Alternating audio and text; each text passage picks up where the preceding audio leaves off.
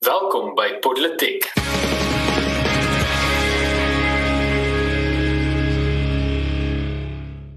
Ek is Ernst van Sail en saam met my atelier is Paul Marits en in vandag se episode braaivleis, bekkie en die boere. Nou Nou ja, Ernst um, ek dink uh, miskien is dit uh, is dit tyd dat ek net 'n bietjie praat oor die week. Dit was 'n stil week in terme van uh, in terme van hierdie politiek gegaan het. Ehm um, in terme van die nuus dit, dit kom amper voor asof die land so 'n bietjie moeg is. Ek weet ek is definitief uh, lekker moeg. Ehm um, nou ja, ek ek dink dat dat al al nou nie baie gebeur nie. Sit ons nog steeds in Suid-Afrika en sit ons nog steeds met die realiteit wat elke dag ons omring. En nou ons is weer daaraan herinner deur ons polisie minister Bekkie Cele. Ehm um, jy het 'n bietjie gekyk wat daar aangaan. Ja, so Bekkie Cele is hierdie week in die nuus. Ehm um, ek dink jy's reg oor die die nuus 'n bietjie stadig is, maar na die einde van die jaar toe gaan goeders weer begin 'n uh, bietjie warm raak in Suid-Afrikaanse nuus. Dit die dit werk maar altyd so in my uh, ondervinding. So uh, die Becky Cherry storie is dat uh, ons minister van polisie is in die spervuur na sy uitlatings dat plaasmoorde nie tot 'n prioriteitsmisdaad verklaar moet word nie en sy dreigemente teenoor boere op 'n Imbizo wat 'n volksvergadering is, uh, maandag in KwaZulu-Natal. So die Imbizo tussen die polisie en die boere is uh in Normandie naby Newcastle gehou om die veiligheidsprobleme in die gebied te bespreek na die moord op uh, Glen en Vita Rafferty. Uh en Roland Collier, 'n familielid van die egpaar en die voorsitter van die plaaslike boerevereniging, het vroeër uh aan Netwerk 24 gesê um dat dit vinnig vir hom duidelik geword het dat 'n deel van die gemeenskap ander planne gehad het toe hulle opgedaag het en die kommersiële boere verskreeu en beledig het. Uh hy sê Chile het ook na die Imbizo gekom om die boere uit te trap en hy het petrol op die vuur gegooi in 'n gemeenskap waar grondkwessies al jare lank groot wrywing veroorsaak. En dan het uh, Afriforum ook 'n media verklaring uitgereik oor dit uh, waarin Erns Roots hoof van beleid aksie Afriforum sê uh die bewering dat die misdaad dat die misdaadverskynsel nie geprioritiseer kan word nie omdat bloot 'n verskyningsvorm van ander misdade is is irrasioneel omdat alle prioriteitsmisdade verskyningsvorme van ander misdade is. Nou ja, so ek meen vir my is dit is dit eintlik wel 'n bietjie kommerwekkend dat die dat die polisie minister in die eerste plek op hierdie punt kom. Ek bedoel, wat beteken prioriteitsmisdaad? Prioriteitsmisdaad beteken goed as dit een van 'n taakspan is van 'n klein bietjie ekstra geld daarin sit ensovoorts. Nou ek bedoel, as die hele wêreld kennis neem van iets, as 'n ander land en daarbey so 'n eerste wêreldse land in Nederland, dit dit sien as 'n prioriteitskwessie en wonder waarom dit ignoreer word en jy besluit self nie jy dink nie jy gaan dit ernstig vat nie. Dit moet sekerlik kommerwekkend wees. Jy weet, ek het 'n bietjie ook gelees na wat wat aangegaan het um, met die storie en dit is my interessant. Die boere het opgestaan, hulle het vir hom gesê wat hulle pla en sy houding was letterlik uit letterlik vir hulle sê hoe durf julle? Ehm um, dit was was sy woorde gewees. Hy het nou natuurlik nie in goeie Afrikaans gesê nie, maar ehm um, uit uiteindelik dink ek as mens 'n bietjie tree terugvat en kom ons sê jy doen 'n doen 'n bietjie van 'n van 'n analise. Dink ek daar's daar's kom ons sê drie dinge om te analiseer. Die eerste een natuurlik is die regering en ek dink dis wat ons hoofsaaklik by politiek doen. Ons praat oor die regering, ons praat oor hulle rol, wat hulle behoort te gedoen het, hoekom hulle dit nie gedoen het nie, wat hulle dryf is. Ehm um, En in hierdie geval dink ek daar lê twee goeters. Aan die een kant dink ek dit is vir hulle ongerieflik. Hulle weet baie min van hierdie boere ondersteun hulle in terme van politieke stem.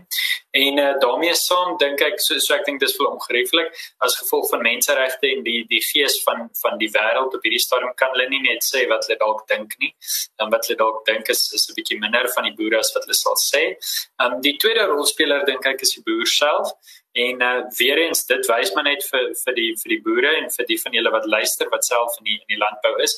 Dit wys vir jou, dit gee bevestiging dat jy is inderwaarheid op jou eie in terme van veiligheid, maar ook in terme van 'n klomp ander goeders. Ehm um, ons weet dat die regering nie die eerste ouens is om die boere te help met droogtes nie. Ons weet dat hulle veel eerder hulle eie plase sal uh, befonds, maar selfs daar gaan die diere maar dood. Ehm um, En ons weet dat uh, ja, so ek dink die punt daar sou is dat die boer op sy eie is wat veiligheid betref en planne moet gemaak word. Natuurlik twee voor beter as een.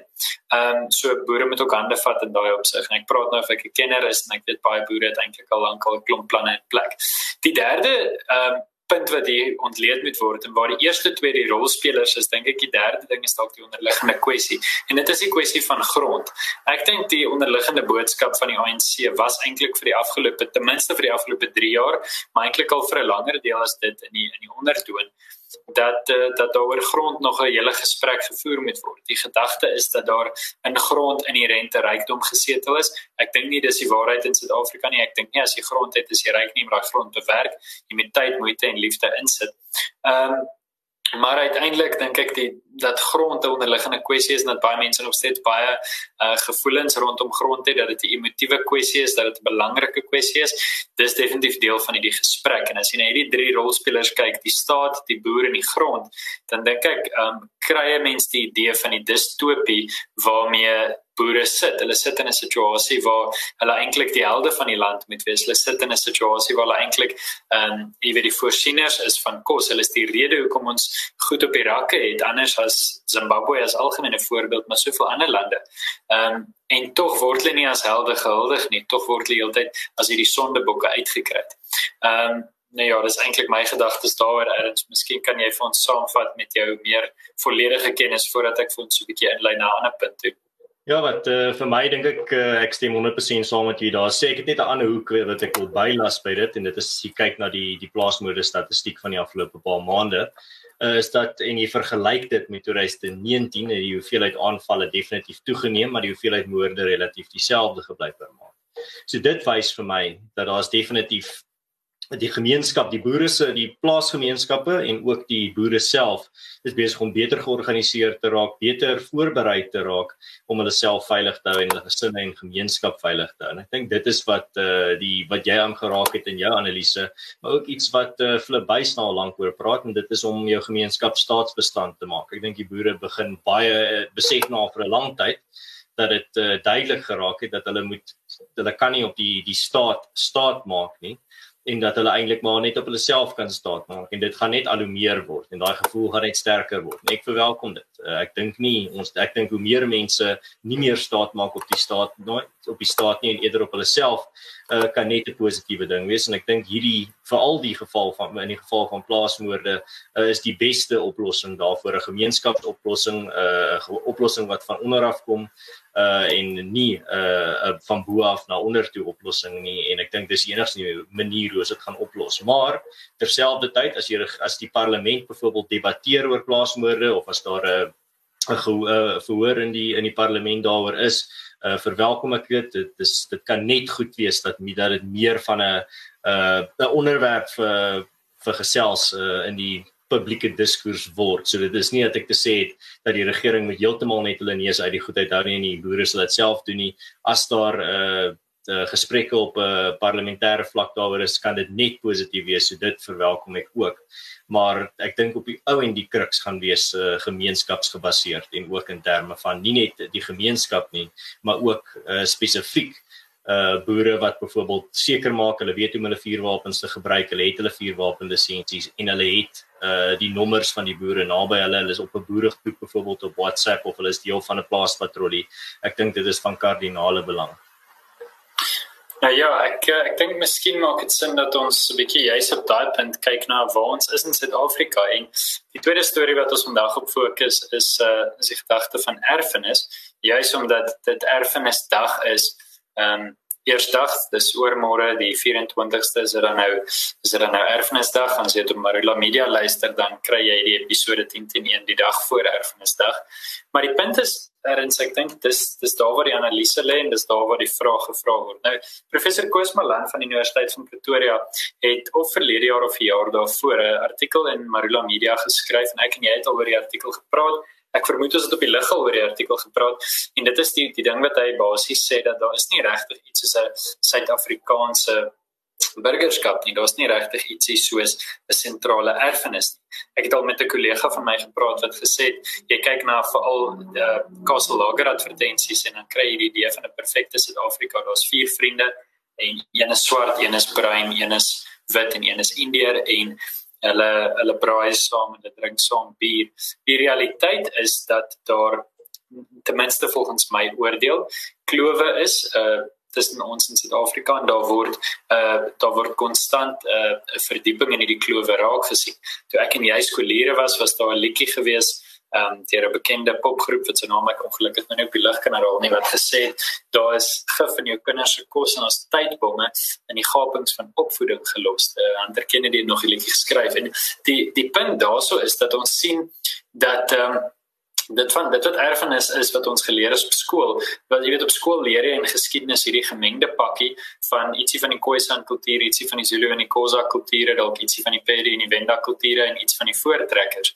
Uiteindelik lyk dit vir my asof hoe meer die regering sukkel, hoe meer begin gemeenskappe amper in 'n mate teen mekaar draai. Ek het ook geen twyfel dat groot media agter dit sit nie. Die Bell Pottinger skandaal het vir ons gewys dat die ANC nou, nie die Bell Pottingers nie maar die die Bell Potgieters.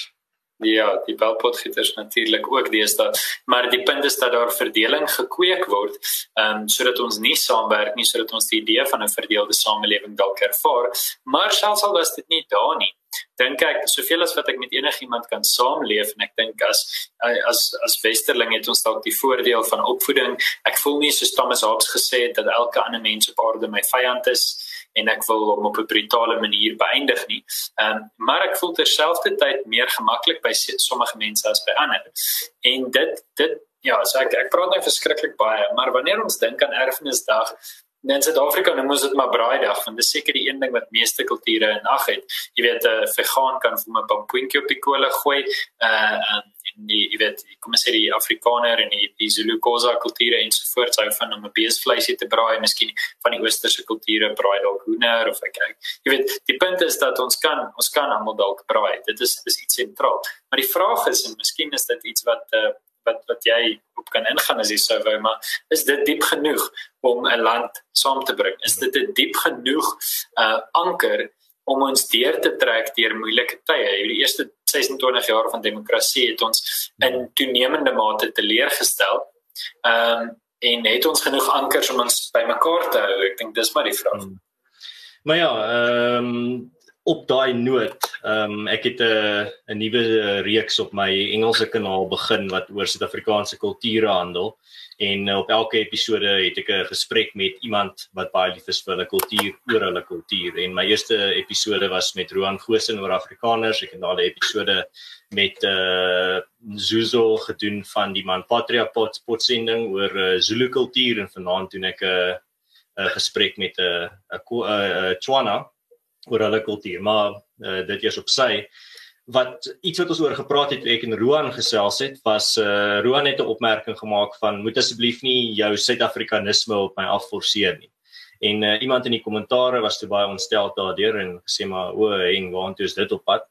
En toe maak ek die opmerking dat dit laat my dink aan iets wat van Saul Slabber destyds oorgeskryf het en dit is die hiërargie van identiteit.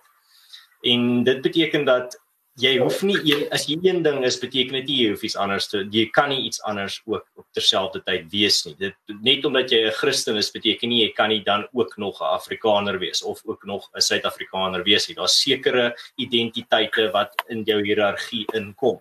Soos byvoorbeeld ehm um, jou kulturele identiteit jou geloofsidentiteit jou nasionale identiteit. Ek dink ons altyd sien onsself as Suid-Afrikaners, ons altyd sien onsself as Christene, ons altyd sien onsself as Afrikaners. Daai is drie soorte identiteite. En daai drie identiteite is in 'n sekere hiërargie uh georganiseer binne in jou kop of dit nou uh of ons nou presies dieselfde op alle vlakke is uh, twyfel ek want jou jou hiërargie van identiteit is honderde identiteite. Uh die feit dat jy in Pretoria bly is uh, is een van jou identiteite en nou jy 'n Pretoriaaner is een van jou identiteite 'n Marits is een van jou identiteite in hiërargie. So wat van selfslabber daar geskryf het is dat wat vir jou die belangrikste is gaan bo in jou hiërargie wees.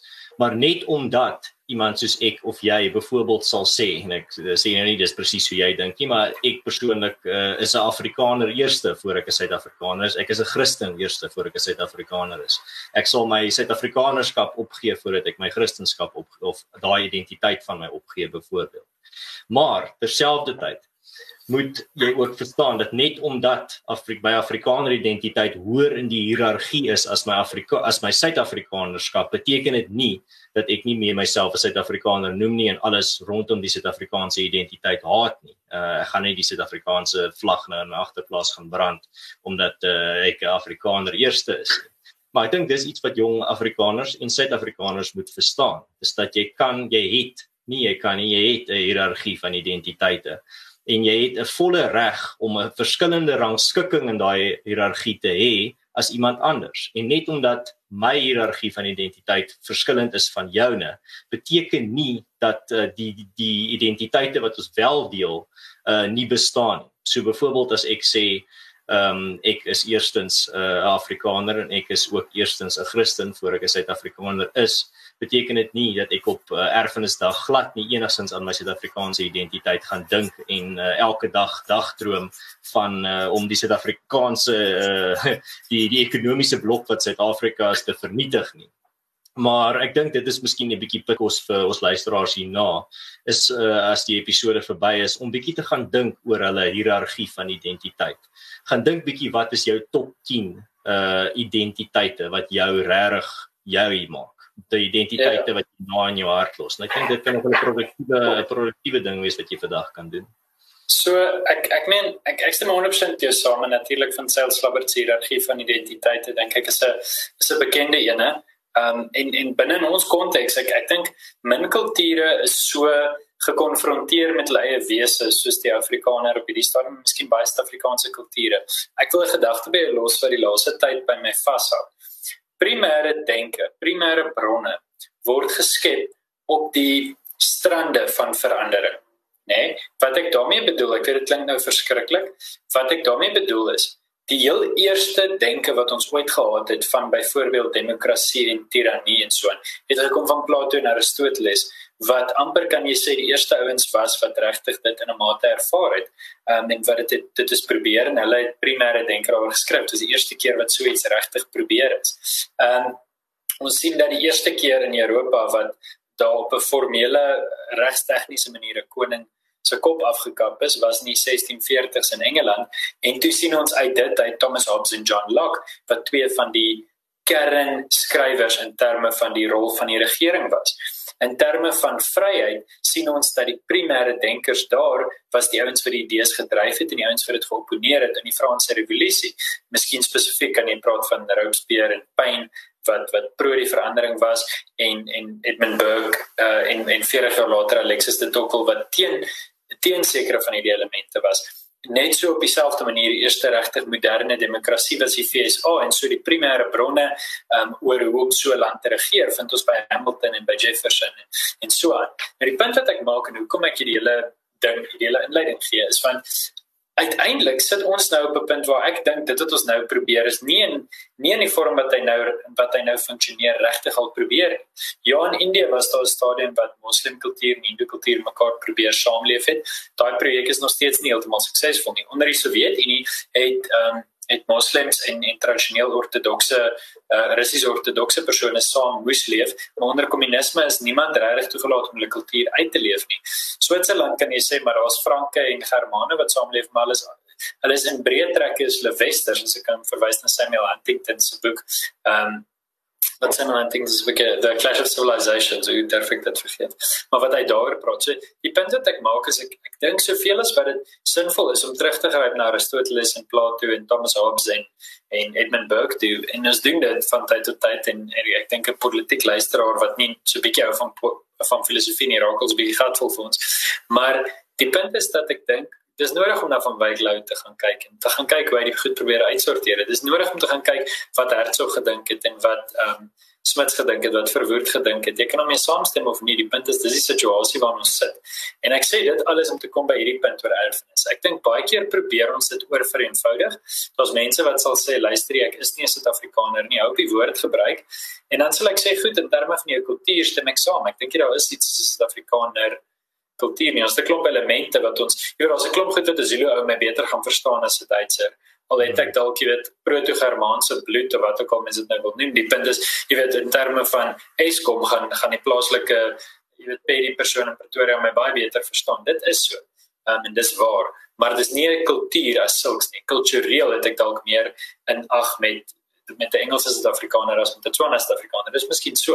Ehm um, en dit ding is kompleks, die punt wat ek maak. Maar Ek dink nie ons is op 'n punt wat ons kan sê luister ek is nie meer 'n burger van hierdie land nie. Ek moes nooit 'n burger gewees het nie. Want ek dink eerlikwaar is nie noodwendig jou keuse nie. Ek dink dis ongelukkig die situasie waarin ons sit.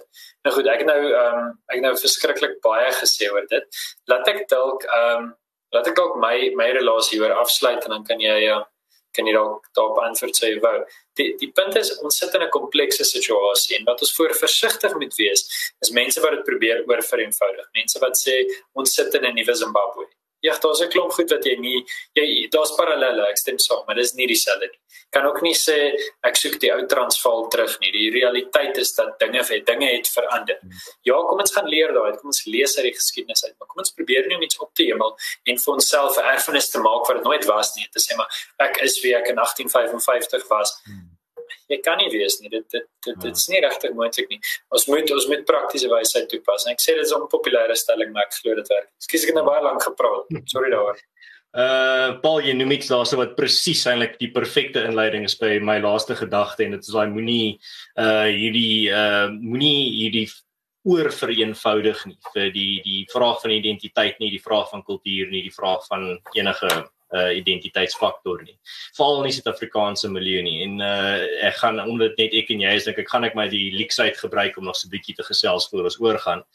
Um my finale gedagte hierso is eintlik om in te gaan oor die rede hoekom ek daai kultuurreeks begin het op my Engelse kanaal. En dit was 'n uh, debat wat ek gehad het op Twitter met ek dink 'n Amerikaanse vrou, weet nie van watter land af sy is. Sy is nie 'n Suid-Afrikaner nie. Maar sy het op een van my plaasmoorde tweets geantwoord en vir my gesê maar uh julle julle boere moet net daar weg uit Suid-Afrika uit kom uh kom kom hier na ons toe in uh in Amerika kom na julle wit broers en susters toe um, kom leef hier rondom julle eie mense. En my eenvoudige antwoord op haar was net maar julle is nie my mense nie. Uh jy jy het geen idee wie jou mense wie my mense is nie ehm um, jy dink my jy dink ek dink my mense is die wit ras. Jy dink ek dink net my my mense is maar net enigiemand van 'n Europese herkoms wat die nie naby aan die waarheid is nie. Uh as die wit ras byvoorbeeld sou uh nog uh oorleef, maar die Afrikaner volk sou nie uh sou ek nie veel uh veel oor hê in my siel nie. Dit sal nie vir my as 'n oorwinning gesien word nie.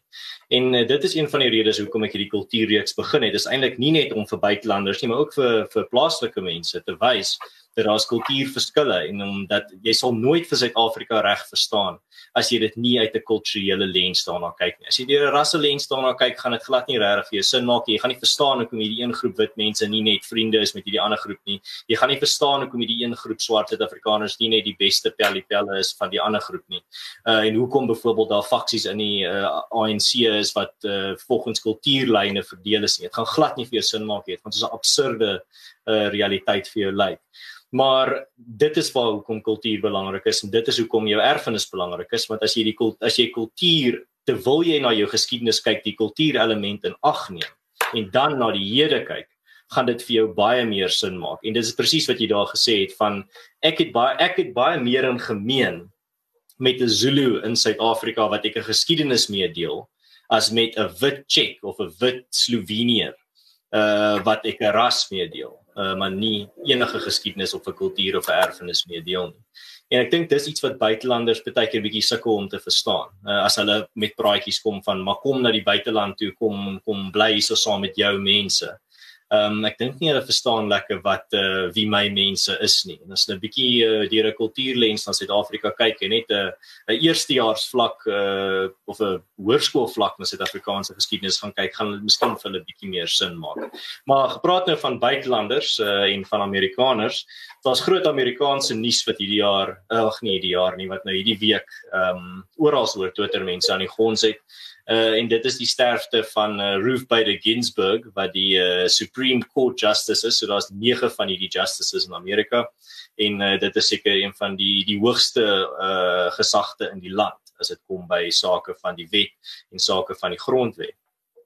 En sy is nou oorlede op ek weet 'n baie ou ouderdom uh hierdie jaar en nou uh het Trump die uh, president Trump het nou die geleentheid om haar te vervang uh, nou jy moet verstaan as hierdie mense met hierdie ongelooflike gesag uh, hulle word nie net vervang en dan as die volgende president inkom kan hy hulle weer vervang of hulle net verander nie. Um hulle word vir hulle lewe uh, aangestel vir 50 jaar, 60 jaar.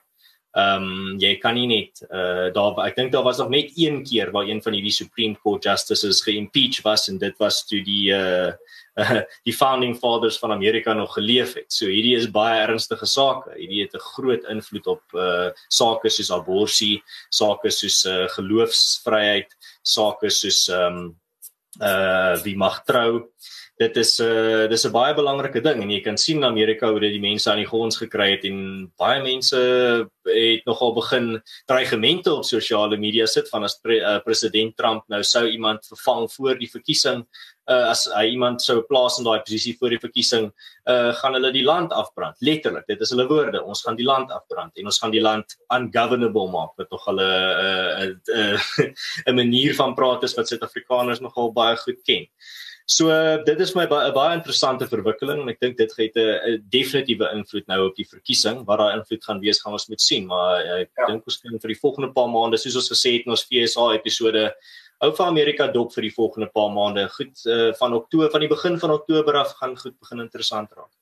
Ja, so ek ek stem jou saam. Ehm um, ek ek dink my my politieke bewustheid het het miskien eintlik met met alle erns in 2012 begin en toe dalk 'n bietjie meer in 2016 en ek dink jy weet van politiek ontwikkel af het ons natuurlik baie meer tyd aan die goed spandeer. So ek dink is die eerste verkiesing met die regte en soveel detail dophou. En dit is natuurlik jammer dat dan nou nie al die debatte en die goed is wat mense nou gewoonlik sou hê nie. Ehm um, maar goed, Ek dink jy weet net eers as mens nou kan sê om die, om die olifant in die kamer aan te spreek, die dit was my tog sleg dat 'n klomp mense die vrou se dood gevier het. Ehm um, jy weet sy ek ek ek stem 100% saam het polities anders gedink as ek, maar ek dink 'n mens moet versigtig wees om te sê om jy is uh konservatief en hom is hom Christelik konservatief en dan ewe skielik sê ja maar dit is eintlik maar beter dat hierdie persoon oorlede is. Dis bietjie onsensitief. Ek het nie polities met haar saamgestem nie, maar ek dink meeste mense kan getuig dat sy baie deeglike persoon was. Ehm um, ek ek dink nie jy weet ek sou saamstem met haar op sake soos abortus en dis meer nie. Maar uh ek dink mense moet versigtig wees om jou eie waardes te verloor. Ek en jy praat gereeld. Ek dink is 'n vers uit Matteus 26 uit wat jy gereeld aanhou die gedagte dat mens moenie jou eie siel verloor nie. So dis miskien ietsie om om te oorweeg. Ehm um, ek ja, ek ek dink uiteindelik wat vir die konservatiewe sake in Amerika betref, as Trump 'n regter kan aanstel, sal dit dalk positief wees. Mense is natuurlik nie seker nie. Ehm um, maar nou ja, erns het jy nog iets verder op hierdie onderwerp of het ons ons einde bereik? Uh nee, wat uh, my laaste gedagte vir die episode is maar net ek hoop almal geniet hulle erfenisdag donderdag en vat miskien die tyd om bietjie te dink oor jou erfenis. Gesels miskien met 'n ouer persoon in jou lewe oor uh die verlede wat hulle onthou, wat se kennis hulle het. Deel bietjie in die kennis van jou gesin, mense wat jy ken, wat jy weet baie van die geskiedenis weet. Gebruik bietjie die dag om bietjie meer te leer oor waar jy vandaan kom en dit gaan miskien vir jou bietjie wys hoe kom toe jy op pad is. Nou ja, soos rustig gesnel weer in die oggende is hierdie episode vir eers verby. Ons nou jou as luisteraar uit om self te ontnonsens deur die gesprek met ons te gesels. Maak gerus uh kontak met ons as jy besighede politiek wil bemark. Um, ons bereik nou so omtrent 1000 mense in episode, so dis lekker.